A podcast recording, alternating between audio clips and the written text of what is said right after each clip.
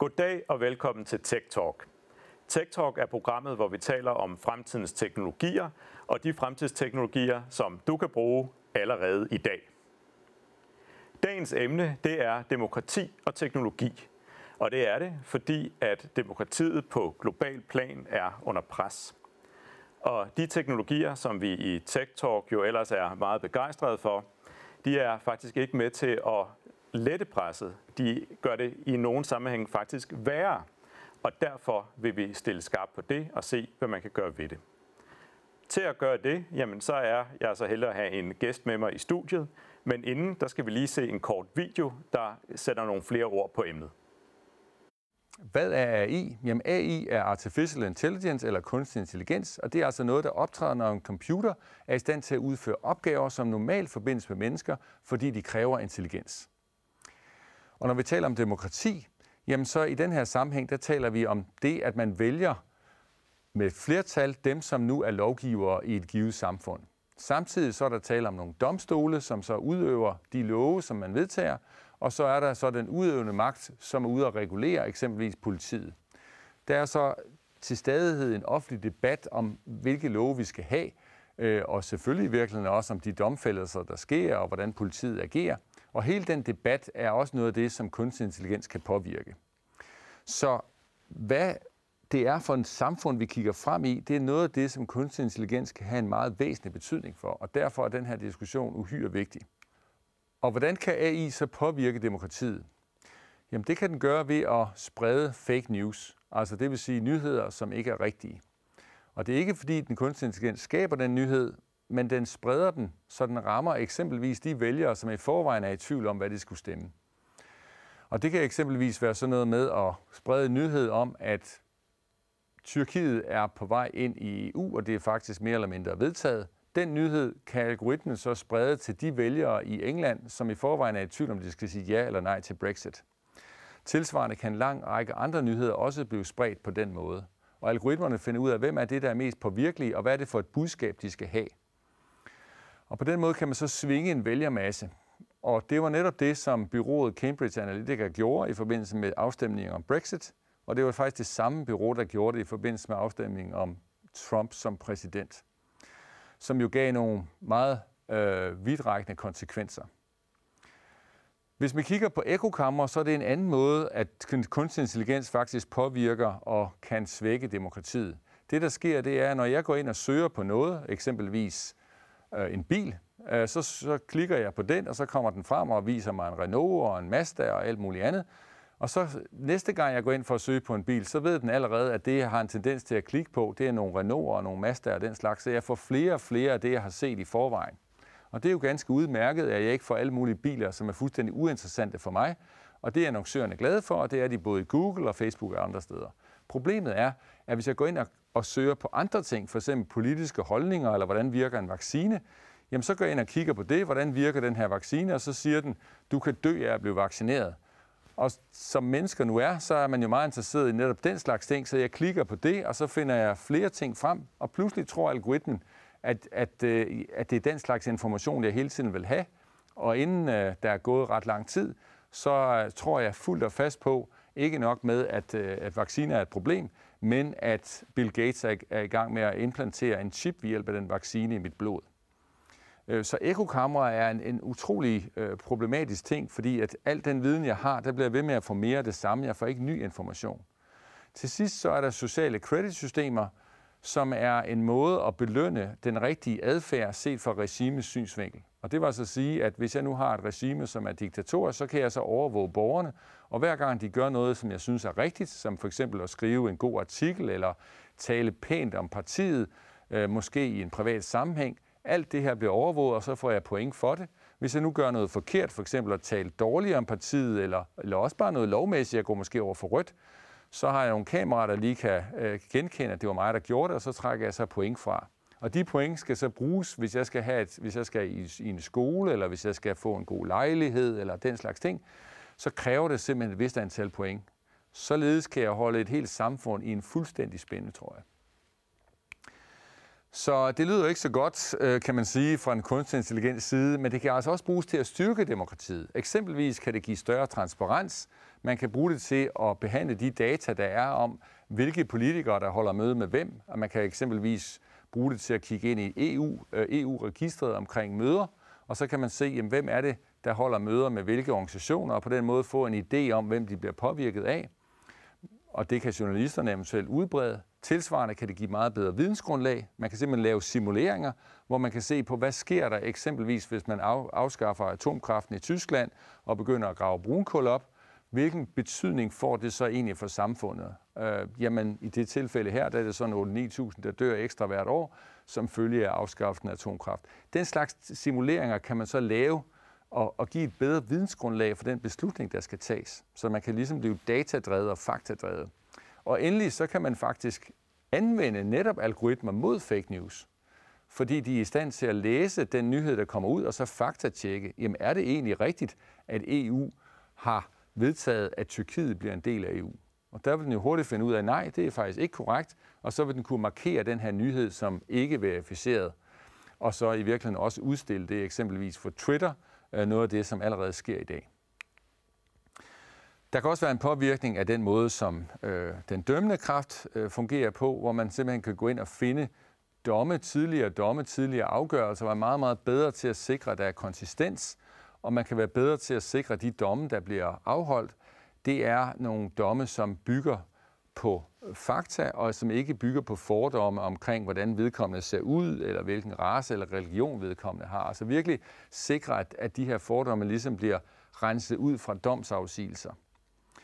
Tilsvarende for den udøvende magt, hvor man kan bruge algoritmer, øh, og det, det danske politi har faktisk adgang til det, noget der palantir, hvor man altså på den måde kan finde ud af, hvad er sandsynligheden for, at der sker en, en øh, kriminel handling, og hvor vil den i givet fald ske, og så kan man være bedre til at forebygge den. Så totalt set, jamen, så kan AI både styrke og svække den, øh, den samfundsorden, vi har, og det demokrati, vi har. Der er naturligvis også stor bevågenhed blandt politikere omkring den kunstige intelligens og hvordan den kan påvirke demokratiet negativt. Og her i foråret der udkom Margrethe Vestagers område med et nyt regulativ, som sandsynligvis bliver til lov næste år. Det hedder Artificial Intelligence Act, og det går ind og regulerer, hvordan man skal sikre, at AI bliver brugt på den rigtige måde, og hvad man ikke må. Eksempelvis så bliver det forbudt at lave sociale kreditsystemer. Og det man selvfølgelig kan overveje i den forbindelse, det er, om det i virkeligheden ikke også skulle være sådan, at man faktisk siger, at man skal anvende AI til visse ting. Ikke kun at forbyde AI til visse ting. Lad os se. Nå, tak til Bent for en øh, sådan yderligere uddybning af, af emnet. Men nu får vi rent faktisk mulighed for alvor at gå, øh, gå i kast med det. Og jeg er meget glad for at kunne byde dig velkommen, øh, Sine og Sine Just Vrøvl. Sine Nørholm Just ved Roskilde Universitet, professor. Og Sine, du er øh, forskningsleder på Algoritmer og Data og Demokratiprojektet. Igen, mange tak, fordi du var med her i dag. Vil du starte med at fortælle lidt om, øh, om det projekt, og måske også lige hvem, øh, lidt mere om, hvem du er? Tak, det vil jeg meget gerne, og tak fordi, at øh, jeg måtte komme. Jeg er, som du siger, professor i strategisk kommunikation på Institut for Kommunikation og Humanistisk Videnskab på Roskilde Universitet. Og så har jeg sammen med en, en række kolleger, det skal jeg nok komme ind på, øh, hvem det er, har jeg så æren og fornøjelsen af at arbejde med det her algoritme data og demokratiprojekt, eller ADD-projektet, som vi kalder det. Og det er et projekt, et, et initiativ, som er startet af Vilum og, og Vilux-fondene, som har givet os en stor bevilling til at arbejde med det her de næste 10 år. Og øh, overordnet set, så skal vi øh, arbejde med at styrke det danske digitale demokrati. Og det skal vi så med to hovedindsatser. Det ene er et outreach eller et formidlingsprojekt, som Lisbeth Knudsen og Mandag Morgen står i spidsen for. Og det andet er så et forskningsprojekt, som jeg leder øh, og arbejder øh, på sammen med kolleger fra fem andre universiteter. Så vi har en stor forskningsgruppe, der jo dels arbejder med at øh, fremskaffe vores egne forskningsresultater, og så arbejder sammen med formidlingen netop omkring, altså, hvordan kan vi bruge de resultater, vi kommer frem til, øh, til at, at udfolde dem og være med til at styrke demokratiet. Fedt. Og, øh, hvorfor er der egentlig brug for sådan et type projekt? Altså, det kunne man jo i første omgang spørge Willum og Vævksfonden om, hvad de har tænkt sig med at vil have denne her satsning. Ja. Øh, men jeg tror og deler i øvrigt også øh, den diagnose, at det handler om, at hvis vi ikke får fat i de her emner nu, hvis vi ikke får en bedre forståelse for algoritmer og data og den udvikling, som øh, din kollega beskrev som, som AI, som jo i bund og grund er et spørgsmål om, hvordan algoritmer og data bliver sat sammen, og i højere og højere grad kan arbejde selvstændigt, eller kan arbejde med maskinlæring, som man også kalder det. Men hvis vi ikke får fat i det spørgsmål i en demokratisk sammenhæng, ikke får en demokratisk samtale omkring det, og ikke får belyst, hvordan de her teknologier allerede former vores demokratiske samtale, så risikerer vi, at øh, demokratiet bliver svækket. Vi, vi taler i projektet om tillidskriser. Altså, tillidskriser, ja. ja. Så, så problemer med den tillid, vi som borgere har til de traditionelle demokratiske institutioner. Det er både de institutioner, vi hørte om i, øh, i præsentationen her til at starte med. Det er også medierne, og det er jo så teknologivirksomhederne i stadig stigende grad. Øh, så de her traditionelle spillere i et demokrati øh, er der flere og flere, der stiller spørgsmålstegn ved, måske øh, fatter mistillid til, øh, og derfor blandt andet så søger til alternative kilder, alternative fakta og, og fake news og, og så videre. Så der er altså en, en kamp om tilliden, om man vil. Og det er så den kamp, som vi med projektet gerne vil være en del af, i, i den forstand, at vi selvfølgelig vil arbejde med at prøve at styrke tilliden, men det kan jo både betyde, at der er nogle ting, der skal ændres på demokratisiden. Det kan også være, at der er nogle ting, der skal ændres på teknologisiden. Det kan også godt være, at det simpelthen er de borgere, der ikke har tillid, der har behov for at få noget mere viden, nogle flere kompetencer, eller på andre måder ligesom blive klædt på til at være en del af denne her digitale demokratiske udvikling. Tjek. Og øh, nu har vi jo godt nok øh, lige set, øh, set videoen, men jeg kunne også godt tænke mig at høre sådan dit, dit perspektiv på jamen, altså den her teknologiske udvikling, som vi er, som vi, som vi er inde i. Øh, fra dit perspektiv, hvilke muligheder og udfordringer øh, genererer det for, øh, for, for demokratiet, som, øh, som du ser det? Ja. I, I projektet der tager vi udgangspunkt i, at de her teknologier i stigende grad bliver kontroversielle. Og med det der mener vi for det første, at vi i højere og højere grad diskuterer dem. Altså vi bliver opmærksomme på, at måske er der nogle problemer med ansigtsgenkendelse, eller måske er der nogle data, der bliver brugt i sagsbehandlingen, som bliver reproduceret på en skævvreden måde, når det er en algoritme, der behandler dem. Øh, der var sidste år i England en stor skandale, hvor der var nogle karakterer, der var blevet justeret øh, efter, fordi man ikke havde kunnet gå til eksamen øh, på, på grund af corona, ja. og så blev karaktererne så justeret af en algoritme, men den justerede dem så efter eksamensgennemsnittet i de her skoledistrikter øh, historisk set, ja. hvilket så gjorde, at øh, fattigere områder, offentlige skoler, der fik eleverne i gennemsnit sænket deres karaktergennemsnit, og i rige skoler, i privatskoler, der fik de så hævet deres karaktergennemsnit. Ja. Så det er sådan et klassisk eksempel på, at hvis man bruger historiske data i en algoritmisk, altså i en automatisk beregning, så vil man ikke bare reproducere, man vil også forstærke den, man taler om det som bias, altså ja. de fordomme, der ligger i teknologien. Så det er sådan et konkret eksempel på, at her var der en konkret algoritme, der blev kontroversiel, der blev genstand for offentlig debat, øh, og så besluttede man jo så efterfølgende, så måtte man droppe lige præcis øh, den brug af teknologien. Ja. Øh, det synes vi jo er interessant, at der i højere og højere grad opstår sådan nogle samtaler om konkrete teknologier. Men hvad måske vigtigere er, er jo den måde, som teknologierne også former vores rum for samtale. Altså den her offentlige samtale, som var i midten af demokratimodellen, ja. og som nu i højere og højere grad bliver udspillet, bliver ført på algoritmiske betingelser, om man vil.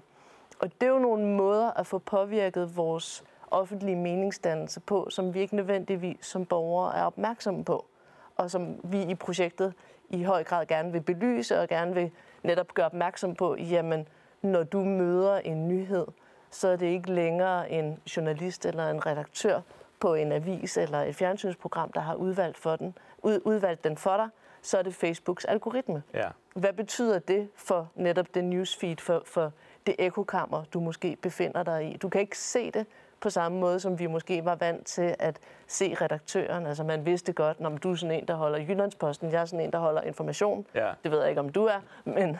Øh, ikke helt, men... Øh... Men altså det her med, at hvis du nu havde fortalt mig, at du holdt Jyllandsposten, så ja. vidste jeg godt, hvad det betød. Præcis. Øh, og omvendt. Ikke? Ja. Og, og hvis måske kan vi godt sige i dag, hvis jeg siger, at jeg er sådan en, der får mine nyheder fra Facebook, så ved du også godt, hvad det betyder.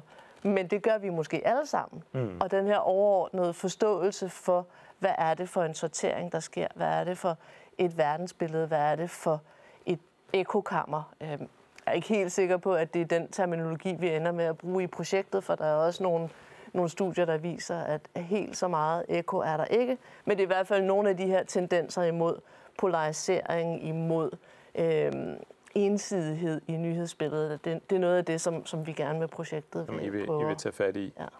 Er der nogen, øh, som, nu har vi, det var sådan et par af, af udfordringerne, er der nogen af hvad kan man sige, mulighederne, som, øh, som øh, teknologi øh, skaber for demokratiet? Ja. Hvad, hvad, ser du, hvad ser du der?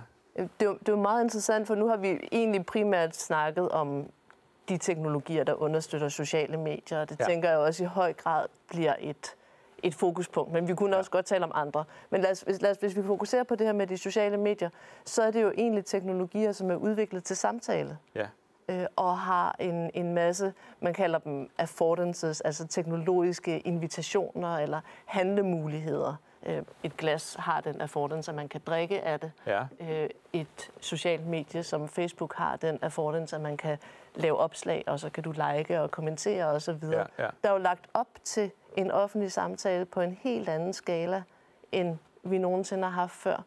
Og det, der så er interessant, det er, at den teknologiske mulighed, den invitation til samtale, har vi mennesker jo så valgt at udfylde på en måde, som jo i en vis grad har lært teknologien, når man mennesker vil gerne have konflikt. Mennesker vil gerne have grim sprogbrug, vil gerne have... Der var et eksempel... Så med, de.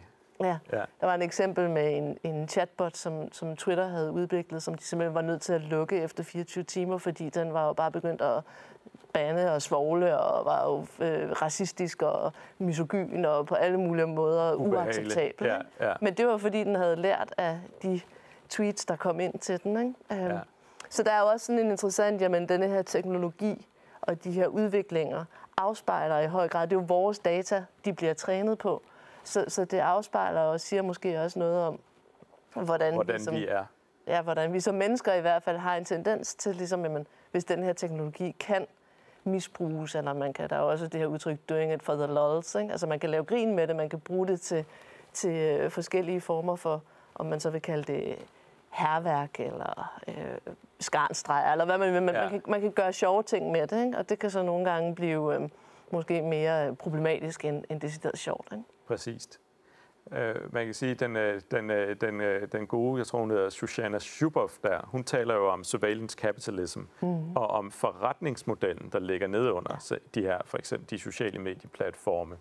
Uh, og, hvad, og hvad ligger der i det? Jamen der taler man om det her med, at, at jamen, de, får egentlig, de får egentlig noget ud af at få os til at gøre noget, altså at uh, få os til at gå ind og købe en burger eller et eller andet, fordi de er blandt andet reklamefinansieret.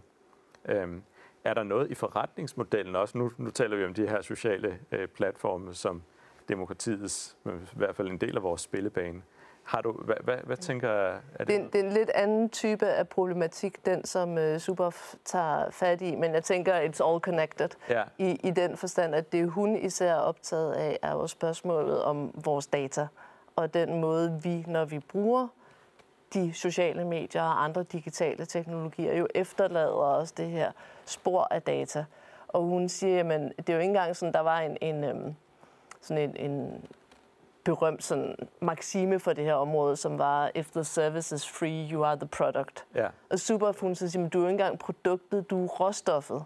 Så dine data bliver det her, man snakker også om data mining. Ja. Dine data bliver det her råstof, som tech-giganterne, de sociale medier, dem der har adgang til dine data, kan bruge og kan øh, udvinde, kan ompakke og, og, og sælge videre til forskellige øh, andre virksomheder. For eksempel folk, der gerne vil sælge dig noget. Ja. Og så kan de jo så vide lige præcis, hvad de skal sælge dig, og øh, hvordan de skal sælge det, som vi også hørte i indslaget her, så har det jo nogle gange udviklet sig i ulovlige retninger, men der er jo også rigtig mange fuldt lovlige anvendelser af det her, øh, hvor man jo også netop taler om, at det er til forbrugerens fordel, fordi du så får reklamer, som faktisk passer til det, du gerne vil have. Ja. Hvis du er enormt interesseret i Renault og Mazda'er, Ja. så får du Renault og Mazda-reklamer, og du bliver fri for alt det der andet støj. Ikke? Præcist.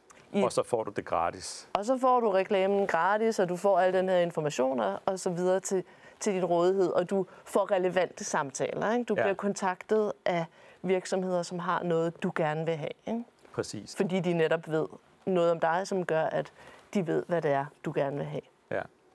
Fra et demokratisk perspektiv er det jo så problematisk, fordi hvad så med alle de ting, som jeg ikke vidste, at jeg gerne ville have? Alt det, som jeg kunne være blevet klogere af, eller som i virkeligheden, nu kan man så diskutere, hvad virkeligheden er her, men ja. altså alt det, som, altså det kræver jo, at man ved, hvad man vil have, eller at man lægger et dataspor, som gør det muligt for teknologien at forudse eller at gætte, hvad det er, du gerne vil have. Ja. Eller at man nærmest bygger noget ind i teknologien, der hjælper en til at blive mere nuanceret og prøve at vise en forskellige, øh, forskellige historier eller forskellige vinkler på, på en historie. Det vil jo så være en af alternativerne. Altså, hvad gør vi ved det her problem? Ikke? Præcis. Hvor der jo på den ene side er sådan, jamen, der er en høj øh, altså kommercialiseringsgrad, en høj succesrate i, at øh, det er sådan klassisk marketing, jo mere præcis targeted til en målgruppe, jo større chance er der for, at man får return on investment på sin... Øh, jeg har også en fortid på Handelshøjskolen. Ja. Øh, men altså, at der er sådan en, en, en vis... Øh, man får noget ud af at øh, smide sine marketingkroner i den retning. Ikke? Ja. Øh, den anden diskussion er også det her med, jamen, kunne vi faktisk også skabe teknologierne, sådan så hver gang man har klikket på én ting, så får man at vide, at du kunne også have valgt, i stedet for øh, øh, users who bought this also bought, Ja. at man så kunne have, jamen, når du nu har interesseret dig for det her, ved du så godt, at der findes de her fire andre alternativer, Præcis. som er noget andet. Ikke? Ja. Nu har du, nu har du, øh, nu har du spist kød, skulle du ikke lige prøve med en øh, kartoffel? eller ja. ja, hvad det nu er. Du skal have en nuanceret og varieret. Og det er jo igen lidt tilbage til det her med, hvad er det for et demokratisk ideal. Og vi arbejder med sådan et ideal om den oplyste borger, som ved lidt om det hele, eller er alment orienteret om, hvad der rører sig i samfundet, og hvad det er for politiske diskussioner, der er oppe i tiden, sådan så man ligesom kan for det første deltage i, i sådan de hverdagssamtalerne omkring ja. det, men jo også netop kan tage stilling til, hvad er det så for politikere, der bedst repræsenterer mit syn på det her område. Altså, det er jo et, et repræsentativt og ikke et direkte demokrati, så der er det her med, jamen, hvem er det, der bedst repræsenterer mine synspunkter på det her område. Det kræver en eller anden form for i hvert fald grundlæggende viden omkring det. Ja. Og en af udfordringerne ved den måde, som de sociale medier og de, de, de, de digitale teknologier i øjeblikket fungerer på, det kan jo være, at borgerne ikke er så orienteret bredt, at man i højere grad ved noget om de områder, man i forvejen interesserer sig for, eller hvor algoritmerne ligesom har kunnet se, jamen her er et mønster, og så har ja. man så så bliver man blevet- dybere, kommer dybere og dybere Ja. ned i det. Så det er jo ikke engang, fordi man nødvendigvis har vidst, at jeg interesserede mig for kattevideoer. Men da jeg så først havde set en kattevideo, så begyndte jeg at få flere og flere kattevideoer, og så skulle jeg jo til at modstå Ja. kattevideobølgen for at få nogle hundevideoer eller nogle videoer om andre emner end lige præcis kæledyr. Ikke? Ja. Og det er den der aktive modståen, som det her flow er. Altså YouTube er måske det bedste eksempel, fordi der hele tiden kommer en ny video. Ikke? Præcis. Og den er hele tiden lidt mere i den retning, som du på en eller anden måde har fået udstukket ved nogle af dine første valg. Ikke? Præcist. Når vi, når vi taler om de her platformer, de her store virksomheder, så synes jeg også, der er et andet sådan interessant perspektiv i det her med, altså de er jo ikke, øh, de er jo ikke øh, hverken danske eller europæiske, øh, og de er, igen, de er reklamefinansieret. Så mm. der er sådan et, et aspekt der, der er lidt, der er lidt sjovt, eller i hvert fald interessant. Hvad, hvad tænker du om det her med, at, vi, at der er ligesom en, i hvert fald herhjemme, det er meget sådan en amerikansk vision, vi køber ind på og bruger øh, Ja. ret omfattende. Og det er jo, så kan man jo så diskutere, om det er vigtigt, at det er amerikanske kommercielle virksomheder, eller det er bare det, at det er kommercielle virksomheder, Ja. der er det afgørende her. Øhm, i Danmark har vi jo været vant til at have en public service tradition. Og selvom der har været masser af private medier, så har der også været en garanti for, at det indhold, især det nyhedsindhold, vi blev præsenteret for, men jo egentlig også de forskellige underholdningsprogrammer og andre ting, at der var en vis variation, og der var en redaktion, der sad og arbejdede med, hvad skal være den offentlige dagsorden, og hvordan udvælger vi, hvad dagens øh, nyheder skal være. Nu sker den udvælgelse et andet sted, og den sker ved nogle algoritmer, som er forretningshemmeligheder, øh, og som netop ser sig selv som kommercielle virksomheder. Noget af det sværeste for, for en platform som Facebook, en, en platform som Facebook, ja. har jo været at skulle sige, at de har et redaktionelt ansvar. Ja. Vi har jo i lang, lang tid sagt, at vi er ikke et medie. Vi er en, en, altså ikke et nyhedsmedie. Vi er en platform for social interaktion. Ja. Det viser sig bare, at noget af det indhold, man interagerer rigtig meget med, er blandt andet nyhedsindhold. Og også selvom det ikke kommer fra traditionelle nyhedsmedier, vil det jo netop være informationer, som netop typisk berører det her spørgsmål om, øh, hvad er det, vi som borgere skal tage stilling til. Ja. Så det her med, at udvælgelsen af de informationer, vi har til vores rådighed, sker af en kommersiel algoritme, hvis parametre for udvælgelse vi ikke har adgang til. Altså det er jo klart, det er jo private forretningshemmeligheder. Rigtigt. Øh, men de fortæller os jo en gang imellem, hvad de har ændret på. Ikke? Altså, så der er jo en, en vis forståelse for, når man, at det for eksempel handler om, i øjeblikket handler det meget om community building, og ja. at Facebook siger, at vi prioriterer, at du får flere af dine venners indhold.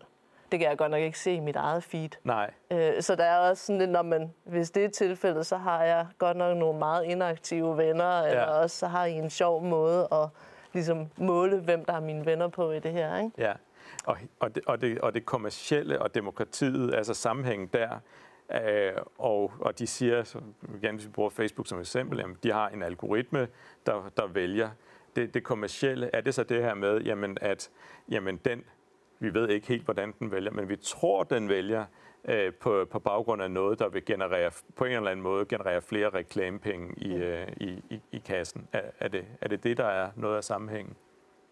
Ja, og så tænker jeg, at dit spørgsmål jo fører os hen til denne her diskussion omkring, jamen, hvad skal demokratiets eller de demokratiske institutioners rolle så være i et mediemarked, der er domineret af private aktører? Ja. Altså skal man regulere? Skal man have offentlige alternativer? Skal man sige, at det er super fint? Altså det er jo de frie markedskræfter. Ja. Bortset fra, at det er så de frie markedskræfter tilsat en algoritme. Ikke? Men øh, man kunne godt sige, at så, bare, så længe folk bare ved, hvad det er, de vælger, så er det jo fantastisk, at de har mulighed for at vælge på en helt anden måde end tidligere. Så der er jo nogle altså sådan helt fundamentale, og du kan jo ligesom se konturerne af de klassiske højre-venstre politiske skalaer her i forhold til, skal vi regulere markedet, eller er det markedets frie kræfter, der skal have lov til at netop, sig selv. Ja, ja. Og, og skabe den frie offentlige samtale på det her markedsvilkår. Ikke? Ja. Øh, og apropos man sige, den, den frie og demokratiske samtale på de her, på de her platforme. Øh, og du siger det her med, jamen de siger ligesom, at vi er ikke, vi er ikke en avis, vi har egentlig, vi er bare en platform. Mm. Men så her i løbet af de sidste, ah, det er vel halve år og, og, og snart år, jamen, så har vi jo begyndt at se sådan et nyt fænomen, hele det her med deplatforming. Mm. Øhm, som det er jo primært i USA, vi har set det, tror jeg. Men vil du prøve at sætte på, på hvad er deplatforming for noget, og, og så måske også lige gå, gå lidt ind i, jamen, hvad, hvad tænker du om det? Mm i princippet er det jo ikke noget nyt, fordi det handler bare om, at profiler bliver lukket. Øh, og de sociale medier har jo rutinemæssigt lukket profiler ja. Øh, fra, fra start af, om du vil. Det, der er interessant her, er jo så, at der er nogle ret prominente profiler. Mm. Donald Trump øh, er, ja, er hovedeksemplet, ikke? Ja. Øh, som, er, som er blevet lukket. Øh, og det er jo simpelthen et eksempel på, at, at de her medier er blevet tvunget til at være sig deres ansvar bevidst, og også at være sig det bevidst i en, altså i en sammenhæng, hvor det faktisk batter noget.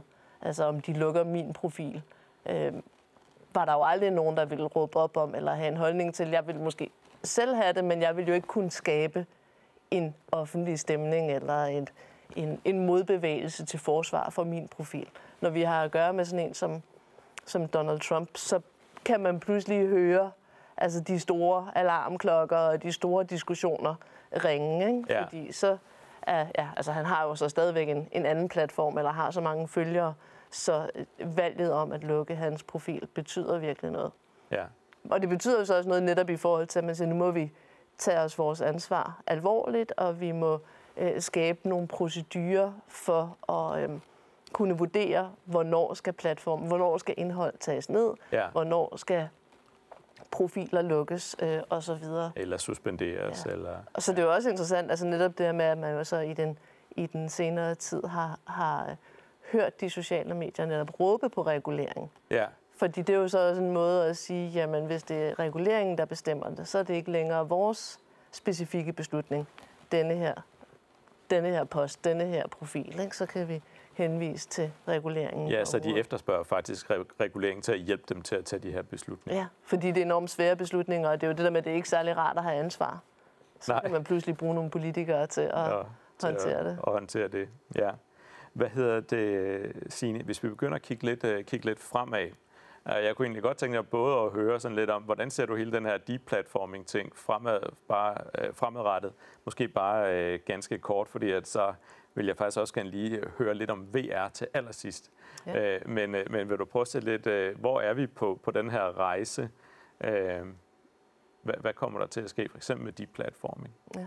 Jeg tror, jeg vil tage det hen i retning af sådan en ytringsfrihedsdiskussion. Ikke? At det er jo et, et grundlæggende spørgsmål om, hvad vil vi tillade, at hvem siger på nogle platforme, hvor det jo for det første, altså noget, noget igen de der grundlæggende betingelser for de her medier, det er jo, at man kan nå mange flere. Altså, hvad man plejer at kunne sige, et lukket rum er nu åbent for alle. Det bliver der. Altså, what happens on Facebook does not stay on Facebook. Det er, kan også cirkuleres, og ting, der bliver taget ned. Er der nogen, der har nået at tage et billede af, eller er mm. der nogen, der har nået at dele videre? Og så alt det der med ligesom at kunne, kunne trække noget tilbage, er jo også enormt svært i denne her kontekst. Ikke? Så, så, så det her spørgsmål om, hvornår er noget for meget, hvornår skal vi reelt lukke ned for det, og hvordan lukker vi så også, altså, kan man også lukke ned bagud i tid? Kan man sikre sig, at indhold faktisk altså, rigtigt, rigtigt forsvinder? Ikke? Rigtigt, ja. Øhm, det er nogle, nogle virkelig store, jeg kommer med et super godt ikke-svar her. øh, men det er fordi, det er virkelig store spørgsmål. Ja. Og jeg tænker, det er noget af det, vi kommer til at vende tilbage til rigtig mange gange. Heldigvis er jeg jo et projekt, hvor vi har 10 års øh, løbetid. Ja, det og det her med at at se. Ja. se på udviklingen, men jo også måske i, i stadig stigende grad også være en del af udviklingen. Så på den måde vil jeg godt sige, at men jeg er rigtig spændt på at se, hvor det går hen af, og så vil jeg måske også om fem år i højere grad være med til at, at forme det. Ja. Og bare sådan øh, nu øh, til sidst, og nu bliver det sådan lidt mere skørt, men, øh, men der er jo en masse virksomheder, som arbejder med, med virtual reality. Og hvad er det for noget? Jamen det er der, hvor vi tager de her briller på og ligesom lever inde i, eller måske ikke lever, men i hvert fald bruger meget tid inde i en, inde i en softwareverden. Det vil altså sige, at vi lige pludselig agerer meget i en, i en verden, hvor det rigtig meget er Øh, det er ikke vores egne sanser, det er vores egne sanser, men verden den er, den er, ligesom, den er digital, og den er bygget op af nogle andre. Øh, og det er jo blandt andet også en af de store, det er Oculus, øh, og den er by the way også Facebook øh, ejet. Ja. Øh, hvad tænker du med, øh, øh, du ved, fem, det kan godt være, vi er mere end 10 år fremme, men VR og demokrati, hvad, hvad sker der der? Ja, det er et, et rigtig godt spørgsmål. Jeg tænker for det første jo, at da Zuckerberg var ude med sit metaverse her hen over sommeren, der var der jo mange, der ikke var helt så øh, imponeret. Altså de synes måske netop ikke, at det var flippet nok. Øh, så den der idé om at leve i den virtuelle virkelighed og ikke behøve at gå andre steder hen, den var så i Facebook-versionen blevet reduceret til, at nu kunne du have møder, og du kunne arbejde endnu mere og så videre, hvor i øh, meget af sci-fi-litteraturen, der er der sådan lidt mere Wild West over det. Ikke? Ja. I et demokratisk perspektiv er det jo igen et spørgsmål om, jamen, hvad er det for former for samtaler, man kan have i det rum? Øh, hvad er det for beslutninger, man kan træffe? Og måske vigtigere, hvor mange af de beslutninger, vi er vant til, at det mennesker, der træffer, er blevet overlagt til teknologierne i et, i et virtuelt rum. Mm. Øhm, det er for mig måske den største bekymring, det er det her med, jamen, hvem træffer egentlig vores beslutninger? Ja. Og igen, det er ikke fordi, at jeg nødvendigvis er imod, at det er maskiner eller algoritmer eller artificial intelligences, der træffer vores beslutninger, men det er bare meget rart at vide. Ja, og med det, øh, Signe, så vil jeg gerne begynde at, at, at runde af her. Jeg synes, det her emne, det er jo simpelthen øh, så spændende, at det jo næsten øh, fortjener en, øh, en programserie helt i sig selv. Øh, men, men det er nok ikke os, der, der lige, der lige bestemmer, bestemmer det. Øh, øh, til jer derude, jamen så øh, vi begynder sådan så, så småt at runde af, men i den her i øh, serie, i Tech Talks, der har vi altid sådan en, en one more thing. Øh, og det skal vi selvfølgelig også have i dag. Og øh, det handler om deepfakes, og det kommer her. One More Thing kigger på deepfakes. Og hvad er deepfakes? Ja, deepfakes, eller såkaldte digitale replika, det er altså kunstig intelligens, som anvender noget, der hedder deep learning, til at imitere en person ved hjælp af billeder eller ved hjælp af lyd, uden at den her person medvirker. Og hvordan kunne det se ud? Jamen det kunne eksempelvis se sådan her ud. And now you will get a quick glimpse into how a digital replica could look and sound like. Soy una réplica de Ben. Me veo igual y me muevo de la misma manera, pero puedo elegir en qué idioma o con qué tono de voz quiero hablar. 制作视频大约需要十五分钟，并且有四十多种语言可供选择。 Jeg kan også bruges på slides som en cirkel, hvis det er det, I har lyst til. Kun fantasien sætter grænser. Ja, så hvor skal vi hen med deepfakes? Det virker jo som om, at det er bare noget, der skal forbydes på stedet. Men rent faktisk så er det jo noget, der kan anvendes til at, at give en bedre kommunikation. Man kan udbrede en kommunikation, hvor man kan bruge nogle personer, som man ved har, genklang hos målgruppen, og så kan man så øh, gentage den information via netop at lave de her deepfakes og få informationen ud og forstået. Øh, for der er jo stor forskel på, hvem der kommer med budskaberne. Tilsvarende så kan man altså nedbryde sådan noget som tidsbarriere. Man kan have en person fra fortiden, som kommer frem og fortæller os noget om nutiden. Man kan også nedbryde sprogbarriere, som I lige så min replika gøre. Øh, jeg er ikke i stand til at tale øh, kinesisk, må jeg sige, øh, eller heller ikke andre avancerede sprog, som vi lige hørte min replikant gøre. Så, så på den måde så kan man altså udvide den mulighed, som den enkelte har for at komme ud med sine budskaber. Men det er klart, at der er et ops her, og det er validering. Man skal jo lige sikre, at det, der nu bliver sagt af den her replikant, rent faktisk også er det, som den rigtige person i virkeligheden mener. Ellers så har vi et stort problem. Så, så lige præcis den her validering er uhyre, uhyre vigtig. Men man vil også kunne anvende det til at forstå fortiden og i virkeligheden også forestille sig fremtiden, fordi man kan, man kan bruge det til at simulere, hvordan vil det her have lyttet. Da John F. Kennedy for eksempel havde en bestemt tale, hvordan vil den egentlig lyde, når John F. Kennedy fremfører den igen, og så kan man egentlig se det ske. Og man kan som sagt lege med tiden også i den her sammenhæng, og på den måde skabe en virkelighed, som den måske kunne komme til at se ud i fremtiden, uden at den i virkeligheden ser sådan ud. Så det giver altså rigtig, rigtig gode muligheder for at komme ud med en god kommunikation, en forståelig kommunikation, og ligesom opløse os selv fra tid og sted og sprogvanskeligheder. Men det skal valideres. Det er utrolig vigtigt. Signe, nu ser vi jo altså, at, øh, at deepfakes her, øh, det er jo altså virkelig et værktøj, der kan bruges til, til mange forskellige ting, som, øh, som vi ser Bent fortælle om her. Øh, I et øh, demokratisammenhæng, hvad, hvad tænker du så om, øh, om øh, deepfakes? Det største problem er jo, at øh, der er rigtig mange, der ikke sætter kilden på. Hele pointen er jo, at man kan få Joe Biden til at erklære krig mod Kina og få det til at se ud som om, at det faktisk er Joe Biden, der har gjort det. Ja. Så er alle de andre øh, super gode og relevante muligheder med dem, øh, hvis man siger, jamen nu har vi brugt en teknologi til at oversætte, eller nu har vi indsat et billede osv. Men hele pointen er jo, at man kan tage det og netop fjerne kilden, eller gøre kilden til sin, til sin håndhandske. Ikke? Ja.